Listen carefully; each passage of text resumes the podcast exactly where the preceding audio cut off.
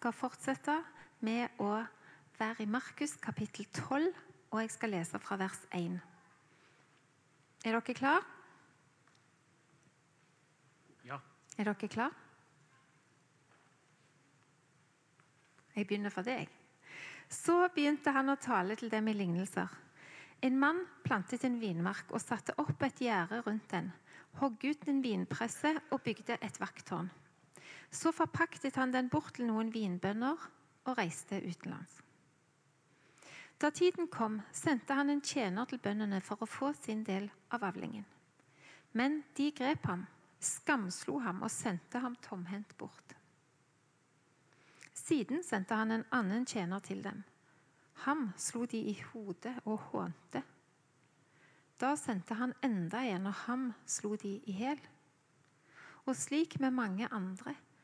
Noen skamslo de, og noen drepte de. Nå hadde han én eneste igjen, sin egen kjære sønn. Til sist sendte han sønnen til dem, for han tenkte, sønnen min vil de vel ha respekt for. Men vinbøndene sa til hverandre, der har vi arvingen, kom, la oss slå ham i hjel, så blir arven vår. Dermed grep de ham, slo ham i hjel og kastet ham ut av vingården. Hva skal nå vingårdens herre gjøre? Han skal komme og gjøre ende på vinbøndene og overlate vingården til andre. Har dere ikke lest ordet i Skriften? Steinen som bygningsmennene vraket, er blitt hjørnestein. Dette er Herrens eget verk. Underfylt er det i våre øyne. Da ville de gjerne ha grepet ham, for de skjønte at det var dem han siktet til med denne lignelsen.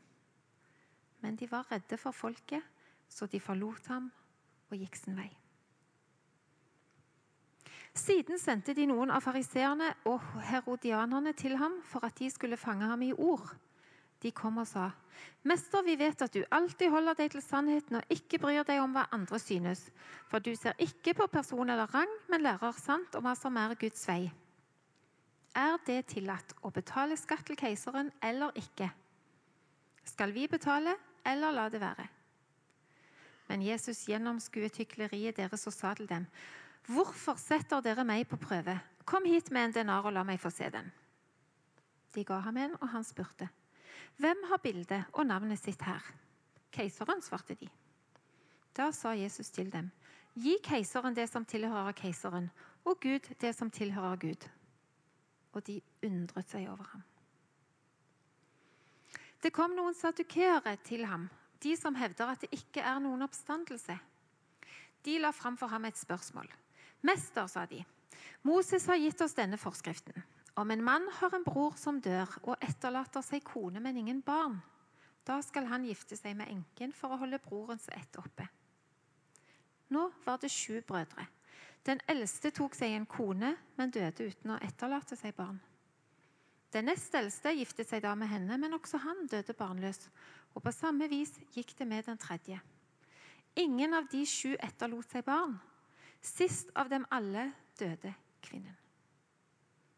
Men i oppstandelsen, når de står opp, hvem av dem skal da ha henne som kone? Alle sju har jo vært gift med henne.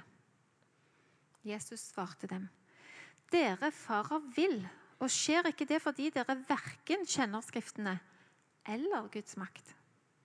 For når de døde står opp, så verken gifter de seg eller blir giftet bort. Nei, de er som engler i himmelen men at de døde står opp. Har dere ikke lest om det i Moseboken, fortellingen om tornebusken? Gud talte til Moses og sa, Jeg er Abrahams Gud og Isaks Gud og Jakobs Gud. Han er ikke en Gud for døde, men for levende. Dere er helt på villspor. Wow. Dette er en tekst. Dette her er jo sånn 8. mars-tekst. Kvin, kvinner som overlevde syv menn.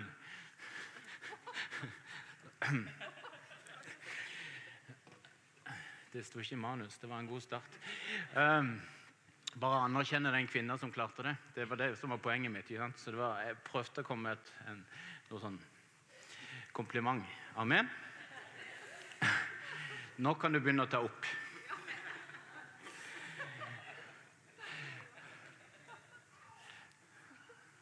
Det er en heftig tekst, altså. Fytti grisen. Eh, jeg har fått lov til å få både første del og andre del neste helg. Eh, og Det er en tekst som utfordrer meg så ufattelig kraftig. Dette du nå skal få høre, er faktisk tredje versjonen av talen. Jeg har skrevet tre hele. Og, og her krasjer det fullstendig mellom Jesus og, og de religiøse lederne. Det bare, det bare smeller så det synger. Der far vil.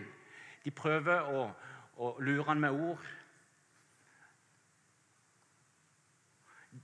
Gang på gang så, når jeg har lest denne teksten, så har jeg latt meg rive med av konfliktnivået i kapittel 12. Og De to første versjonene ble krevende og utfordrende i stilen. For å si det sånn, Om du har behov for å bli rista ned fra gjerdet og bli en del av Guds oppdrag lokalt, nasjonalt og globalt, så kan jeg sende deg en av de andre undervisningene på mail. For der er, der er god skyts i de. Men til slutt, til slutt så klarte jeg å ta teksten inn over meg sjøl istedenfor innover deg. Og slo deretter følge med Jesus i retning byen som han visste han ville dø i. La oss be. Herre, du er på dette stedet, og det er, det er helt nydelig å kjenne ditt nærvær akkurat her, akkurat nå. Og jeg kjenner det skaper en forventning i meg om hva du ønsker å gjøre i den enkelte av oss, og ut fra den enkelte av oss. Herre, for når du er midt iblant oss, da kan alt skje.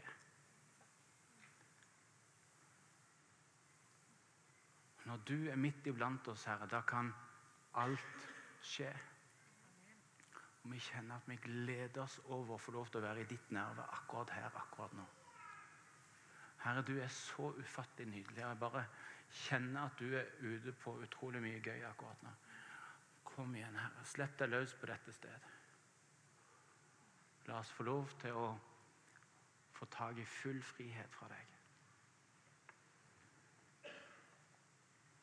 Så binder vi alle typer krefter som vil bremse, stoppe eller hindre det.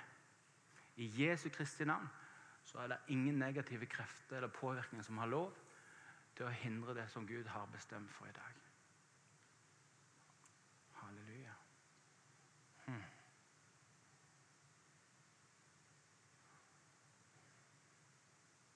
Det er ingen krefter, ingen makter, som har rett på å stoppe, bremse eller hindre det du har bestemt for i dag. I Jesu navn så må jeg forlate dette rommet akkurat nå. Hmm. Takk for ditt nærvær, Herre. Takk for det du er ute for å gjøre i dag. Amen. Uh. Oi, herlig. Det er det er utrolig mye nærvær akkurat her og nå. Hm. Det blir gøy. Eh, Jesus er en dyktig historieforteller. Og Det er ikke tvil om at de religiøse lederne forstår hva han mente. Etter fortellingen om vingårdsbøndene så sier Guds ord at da vil de gjerne ha grepet han. Da ville de eh, hivd en eh, kvernstein rundt halsen og putta den i en av de nærmeste elvene eller ville skalla han ned. De, de ville ha grepet Det, det, var, det var så, uh, de var så klar for å ta ham. Får du tak i hvor, hvor, hvor, hvor, heftig dette her er? De er tett på å blekke til ham. Tett på.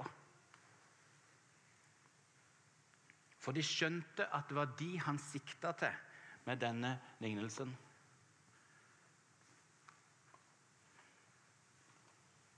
Så ut som urinprøven min, men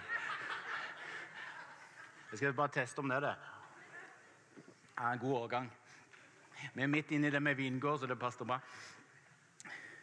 Da ville de gjerne ha grepet han, for de skjønte at det var de han sikta til med denne lignelsen.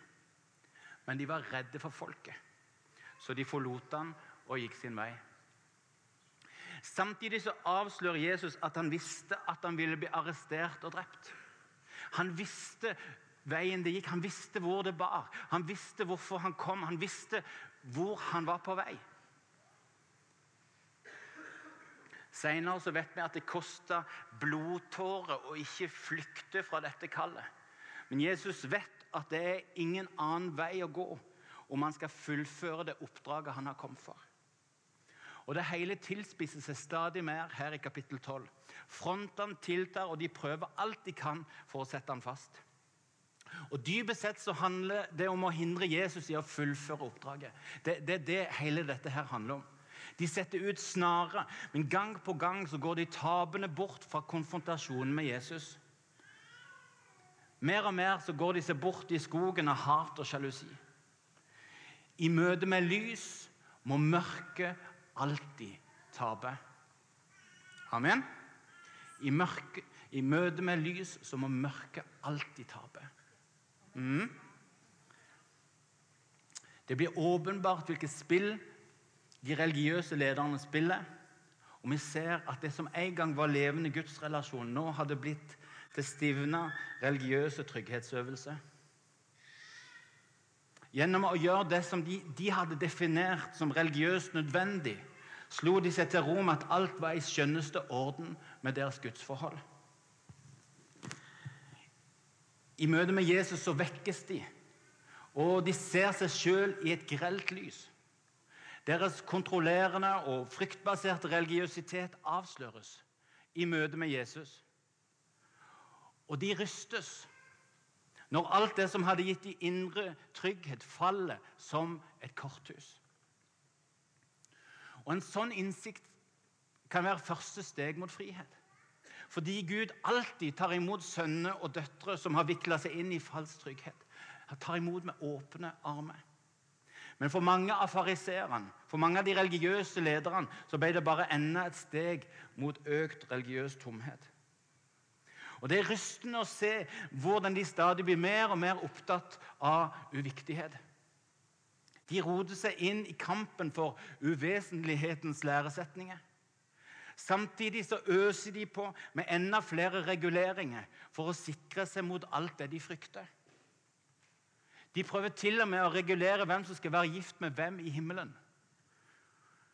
Noe som viser seg å være et forholdsvis innbilt problem. Men da har du gått langt. Vi har altså to ulike vandringer som kolliderer med et brak. Jesu vandring mot å fullføre oppdraget med å dø på korset til et nytt liv for deg og meg. Og de religiøse ledernes vandring mot død religiøs tomhet. Og Religiøsitetens mål er å få Jesus bort fra det å fullføre oppdraget. For å hindre deg og meg i å bli fri fra frykt og all form for bindinger. Det er det som står på spill. Vi har sett en lignende vandring tidligere i Jesu liv. Den gang så vandrer Jesus innover mot byen Jeriko, samtidig som gravfølget til en enkes eneste sønn er på vei ut av byporten. Jubel, frihet, nytt liv på vei inn. Død, håpløshet på vei ut. Og alt snur når Jesus stopper opp hele gravfølget. Han er jo ikke tam. vet du. Der har de gråtekonene på gang og ritualene på gang. og De, de har prosesjon ut av byen.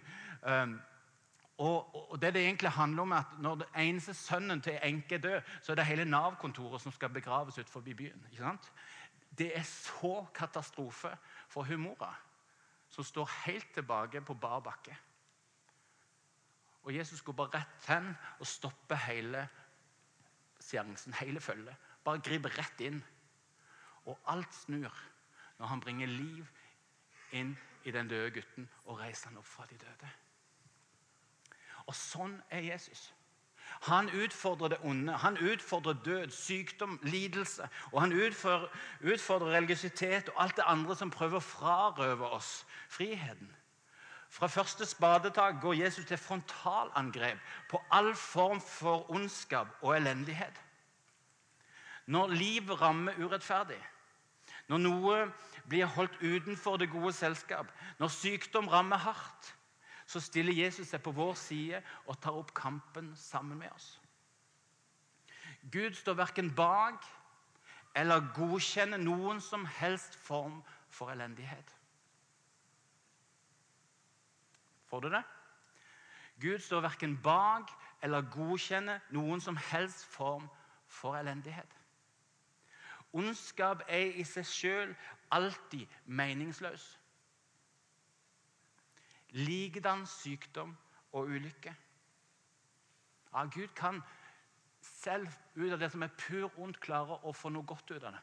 Men utgangspunktet fullstendig meningsløst og ikke fra Gud. Mens djevelen prøver å legge skylda på Gud og prøver å få folk til å tro at Gud er medskyldig, så stiller Jesus seg på vår side og tar opp kampen mot elendigheten. Hans vandring mot korset handler om at alle mennesker skal få friheten tilbake. På langfredag prøver alle verdens onde ånder å holde Jesus nede i dødens varetekt. Men også den kampen vinner Jesus når han sprenger seg fri. Når han står opp fra de døde, og når han viser seg sterkere enn de alle. Enn alle. Når alle verdens onde ånder slår seg sammen for å holde Jesus nede, så bryter han ut og viser seg sterkere enn samtlige på en gang. Jesus er sterkere enn alle og alt annet. Får du det? Amen? Du henger med? Jesus er sterkere enn alle og alt annet. Vi ser det når kreft er sporløst borte. Det gjør inntrykk på meg um, med ei dame på Bryne som, som, ringte. Hun hadde vært og fått påvist kreft og inviterte meg ut for å be for henne. Jeg husker det veldig godt, fordi det var litt sånn, i, sånn i firetida på ettermiddagen. og Mens hun satt og fortalte historien sin, så dypte jeg av. Akkurat så lenge at hun så det, og jeg merkte det sånn ti sekunder borte. ikke sant? Det var kanonflaut. Så jeg måtte bare si jeg tror, vet du hva, jeg tror ikke vi kan snakke lenger, jeg tror bare vi må be. Og så fikk lov til å invitere Jesus til å komme med helbredende kraft. Reiste hjem. Eh, og så neste gang hun til kontroll, så fant de ingen kreft lenger. ikke det nydelig? Og jeg syns jo det er helt Ja, jeg må gjøre en kaffe. Jeg syns jo det er kjempefestlig, fordi jeg vet jo noe om min tilstand der og da. Og, og, det er så tydelig hvem som griper inn. Det er så tydelig hvem som kan helbrede. Det var ikke meg, men det var han. For han er sterkere enn alt annet og alle andre. Vi ser det når blinde begynner å se, når døve begynner å høre, når folk som ikke kan stå eller gå på beina, begynner å gå. Jeg skal få lov til, Alexander skal prøve å hjelpe meg med å slenge opp uh, Imi kirke i Asias Facebook-side her. Hvis du ikke har likt den ennå ja. Det er fotball i morgen, ikke sant? Ja. Eh, så, eh, så, må du gå inn og like den. Men hvis du går litt lenger ned på, eh, på sida her, så skal du få lov til å se Ikke trykk ennå, men der er vi. Um, like før vi filmer dette her det er to uker siden nå. Like før vi filmer dette, så sier kona mannen min har ikke kunnet stått på beina i tre år etter han fikk slag. Og det vi gjør, gjør i sånne situasjoner, er at vi, vi, ber Jesus nå må du komme helbredende kraft. Og så tar vi vedkommende i hånda, reiser han opp, og så er vi nysgjerrige på hva Gud gjør. Her skal du se helt i begynnelsen av det Gud gjorde.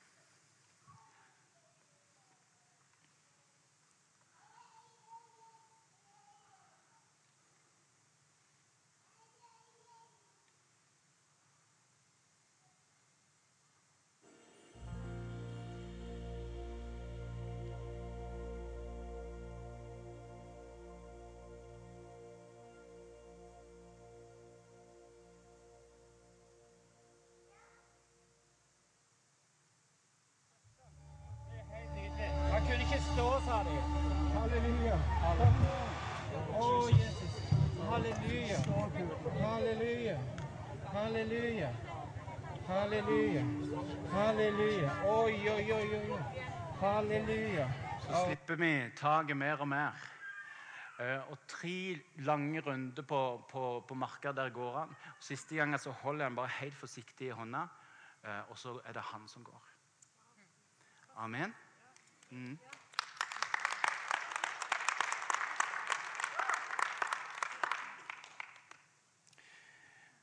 Jesus er sterkere enn alle og alt annet. Det er den erfaringen av Jesus som sterke som gjør at over 1400 velger å tro på Jesus for første gang under aksjonen i Kambodsja for to uker siden. Erfaringen av at Jesus er den sterkeste. Et nærvær på mange måter veldig likt det nærværet som er her akkurat nå. Som slår inn. Og Det å få lov til å stå og se på en gjeng på ca. 1000 så spør jeg hvor mange av dere er kristne. Jo, det var 60-80 stykker som rekker opp hånda. Og så sier hvor mange av dere har lyst til å begynne å tro på Jesus for første gang. Av de 1000 den fjerde dagen så er det 788 som reiser seg, spretter fram, ber frelsesbønnen og går og gir navn og mobiltelefoner til kirka.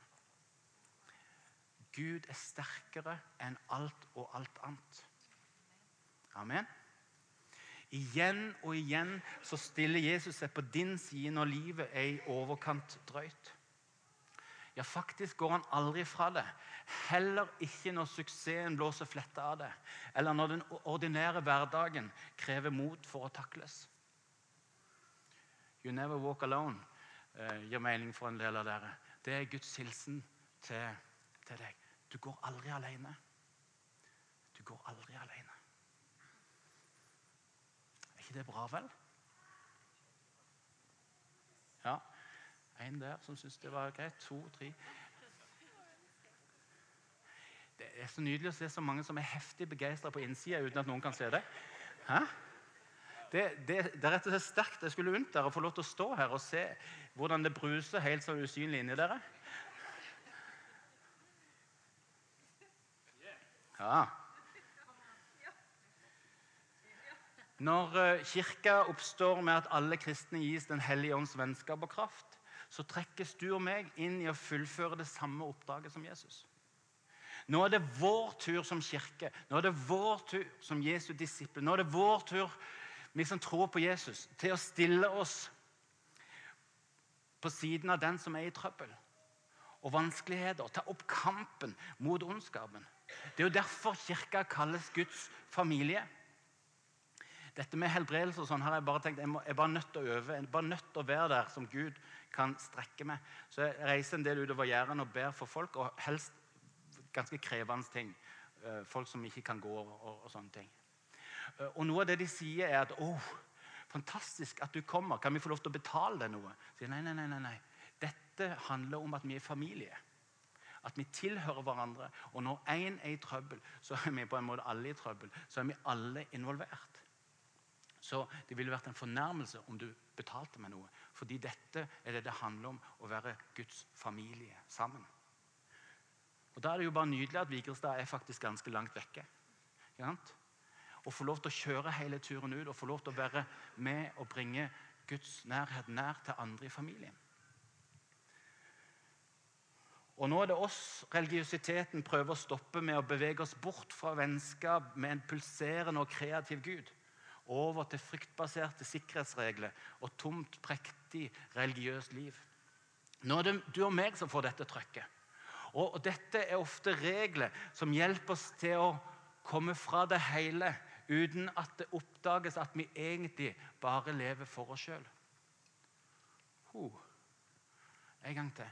Dette er ofte regler som hjelper oss til å komme fra det hele uten at det oppdages at vi egentlig bare lever for oss sjøl. Mens vers 24 sier han er ikke en gud for de døde, men for levende. Han er ikke en gud for døde, men for levende.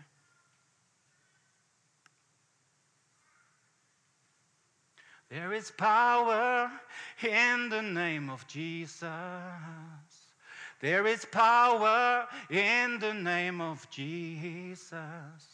There is power in the name of Jesus to break every chain, to break every chain, to break every chain. Hvis du synge med.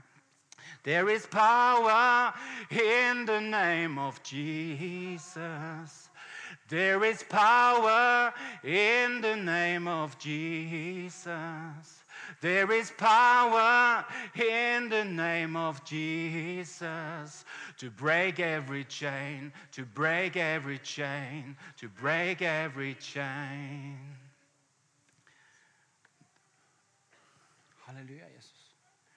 Religiøsiteten vil få oss bort fra å fullføre oppdraget med å gjøre Guds godhet tilgjengelig for alle folk.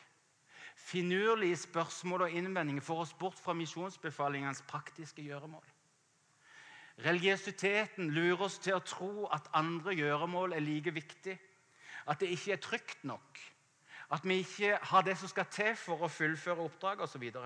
Det er massiv frykt i religiøsitetens hovedkvarter mot at du målbevisst bringer Guds godhet ut lokalt, nasjonalt og globalt. Det er massiv frykt mot at du tar det som Gud har gitt deg, og går av gårde med det.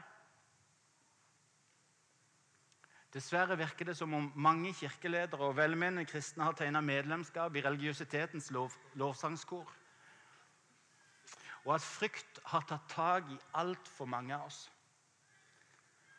Alt annet enn å se folk bli frelst har blitt viktig for hele kirkesamfunn. Det er ikke tull engang. Det er ikke tull engang.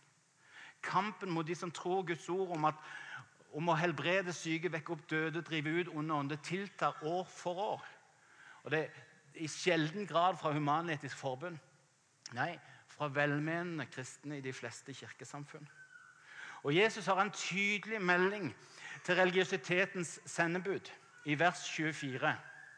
Dere fare vil. Dere fare vil.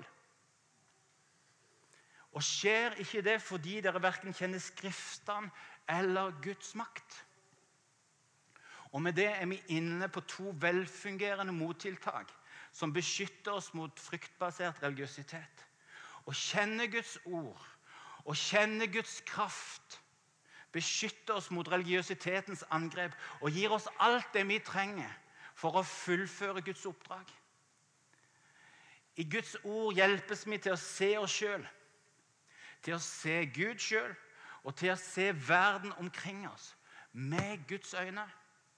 I Guds ord får vi hjelp til å se oss sjøl og det rundt oss og Gud sjøl med Guds øyne. Ikke med våre egne øyne, men med Guds øyne. Ikke lenger ut fra menneskelige begrensninger, men ut fra Guds muligheter. Wow! Ikke lenger ut fra menneskelige begrensninger, men ut fra Guds muligheter. Jeg kjenner jeg blir heftig begeistra. Til og med litt på utsida. Huh.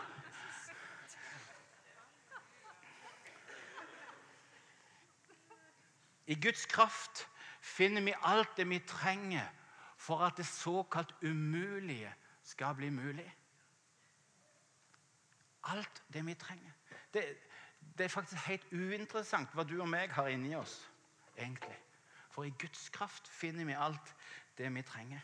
Vi har, um, vi har en sånn trekant som forklarer hvordan vi ser Kirka kan fungere på en enkel måte. Og Vi begynner alltid dette her, Jeg liker å legge den som en play-knapp. Trykke for å få Kirka til å fungere. Okay? Så Det begynner alltid opp i Guds nærvær, hvor vi får alt det vi trenger. For eget liv, for egne utfordringer og i møte med andres utfordringer. I Guds nærhet får vi alt det vi trenger, Guds kraft og alt det vi trenger for å ta ut og gi til de som ennå ikke tror på Jesus. Når vi gir ut helbredelse, når vi gir ut ord om Jesus, når vi gir ut enkle godhetsting, så er det stadig flere som velger å tro på Jesus. Folk har ikke sagt nei til Jesus. De, bare, de vet bare ikke hvordan han ser ut. ikke sant? Også de som kommer til tro, de bringer vi inn i Guds familie. Sammen får vi lov til å vokse i stadig større kunnskap og kjennskap om hvem Jesus er, i disippelskap. Og Sammen går vi opp i Guds nerve, får alt det vi trenger for eget liv og for andre. og Bringer det ut til de som ennå ikke tror. De som kommer til tro, bringer vi inn i Guds familie. og Sammen får vi lov til å vokse i kjennskap til Jesus og disippelskap. Og sammen går vi opp i Guds nerve, får alt det vi trenger. Bringer det ut til de som ennå ikke tror. De som kommer til tro, bringer vi inn i Guds familie. Du, ser, du begynner å skjønne tegninga, ikke sant? Så enkelt. Dette er så virkningsfullt at om vi som er i min kirke heier på hverandre i å søke Gud i Bibelen, om vi bruker Hans kraft og gir det til de vi møter, så forvandler vi byen vår. Om man heter Sandnes eller Stavanger, Tananger eller Sola, Alta eller Muktahan Uansett så forvandler vi byen. Hvis andre arbeidslag, avdelingskontor i, i, i Guds rike, henger seg på, så forvandler vi Norge og nasjonene. Forvandle til å kjenne Guds godhet. Og En nøkkel er å heie på hverandre. Jeg er sånn skapt at Disiplin er ikke noe bestevenn som kommer stadig på besøk. Vet ikke om det er flere som kan kjenne seg igjen i det. Det er altså halvparten cirka, som kjenner seg igjen i det, og de andre tenker det var ikke det jeg visste. Eh, Men det betyr f.eks. at jeg sliter med å lese Bibelen fast. Det er et mareritt. Jeg elsker Guds ord, men å greie å få gjort det fast, det er helt steinumulig. For meg så ble det en hjelp å lese Bibelen sammen med noen. Jeg var nødt til å lete fram en strategi for å lykkes likevel. Fordi det er så ekstremt viktig å få tak i det som Gud har i Guds ord. At jeg var nødt til å finne en strategi, selv om så mye på en måte talte imot. Så min strategi har rett og slett å være å, å begynne å lese Bibelen sammen med noen. For noen av dere er det mulig å sitte ned og lese uh, Bibelen sammen på samme sted. For, uh, for meg ble løsninga å lese alene, for så å sende mail med det jeg likte i teksten, til en venn. Og Da bruker jeg ofte bare tre spørsmål for å forstå uh, bibelteksten. Ta denne her teksten som vi så sammen med ungene, om, om uh, Peter og gjengen på, på, berget sammen med Jesus. Det første spørsmålet jeg stiller, er uh, hva liker jeg?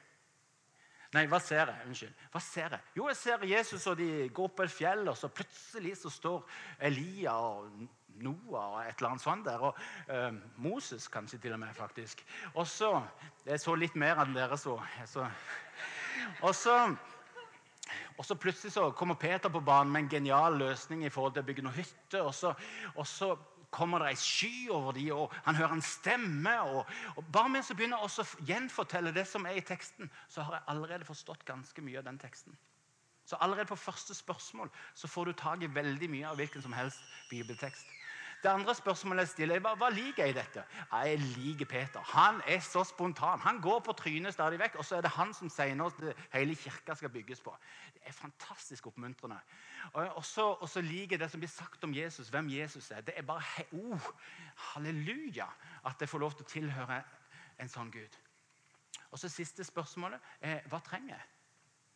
Jeg trenger som Peter å få lov til å gå litt på trynet, men høre at vet du hva, ny sjanse.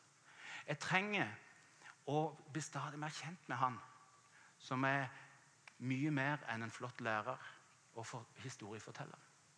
Så Gjennom tre spørsmål så, så får han allerede tak i veldig mye. Uh, og det, også sender det på mail, og så er det med på å ansvarliggjøre meg, sånn at jeg faktisk får både tak i noe og uh, får gjort det. ikke det bra? En annen idé som har uh, fungert, er Elling idé om å stille vekkerklokka noen minutter tidligere enn du egentlig ville gjort. Kanskje noen minutter før ungene våkner. Gripe en god, hjemmebygd, krutsterk kaffekopp. Og så finne godstolen og Bibelen. Alltid best resultat når jeg leser Bibelen før jeg åpner mail, Facebook og nettaviser. Det var, det var innsikt. Du må finne dine måter, men, men det er så dynamitt i Guds ord at det er bare hiver vi oss inn i det, så forvandler vi verden.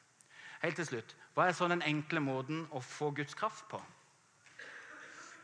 La meg få lov til å vise deg en helt enkel måte som du kan bruke hvor enn du er, og når som helst. Idet du trenger kraft, så kan du bruke denne måten å gjøre det på. ok? La oss reise oss.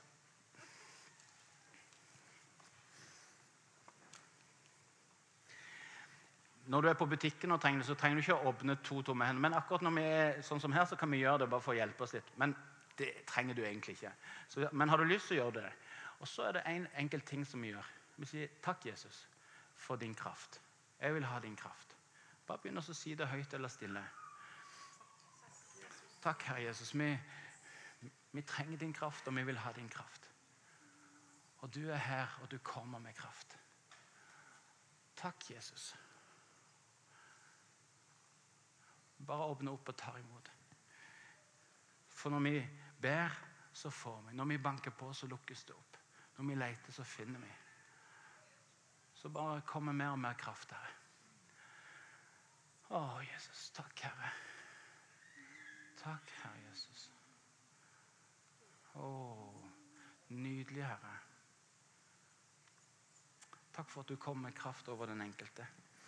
Ikke nødvendigvis noe sånn følelsesmessig sterke greier, men kommer med kraft som kan forvandle når vi tar det ut. Takk, Herre, for at du kommer med kraften over alle som vil ha. Kom igjen. Takk, Herre Jesus. Vi tar imot ifra deg. Vi tar imot fra deg, Jesus. Halleluja. Herre, du er enkel og praktisk. La oss forstå ditt ord på en enkel måte. La oss få din kraft på en enkel måte. Og vi ønsker å gi det ut til folk vi møter, så de kan få nytt liv, forvandla liv, frihet. Takk, Herre Jesus. Bare fortsett å ta imot. Bare si ja takk. Yes, jeg tar hele pakka, Gud. Jeg tar alt det du har. All velsignelse du har for meg. den der. Ikke, ikke nøl med Gud med å gi meg noe. Bare øs på, Gud. Kom igjen. Bare tal ut. Tal ut. Herre, gi oss alt det vi trenger for å få lov til å forvandle folk vi kommer til å møte i de neste dagene. Kom igjen. Takk, Herre Jesus. Takk for ditt nærvær. Takk for din raushet. Halleluja. Halleluja, Jesus.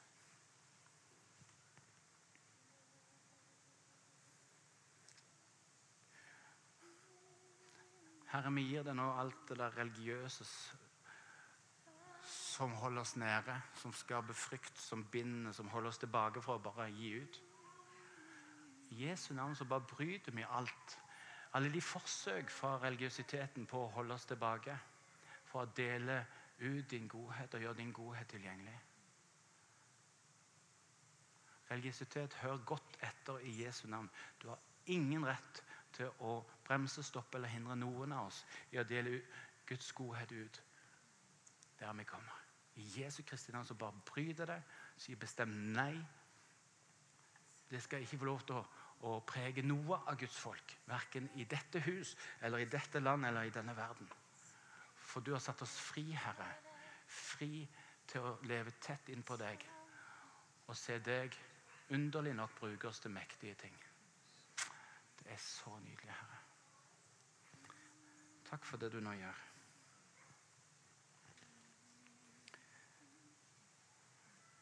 Takk for det du nå gjør, Jesus.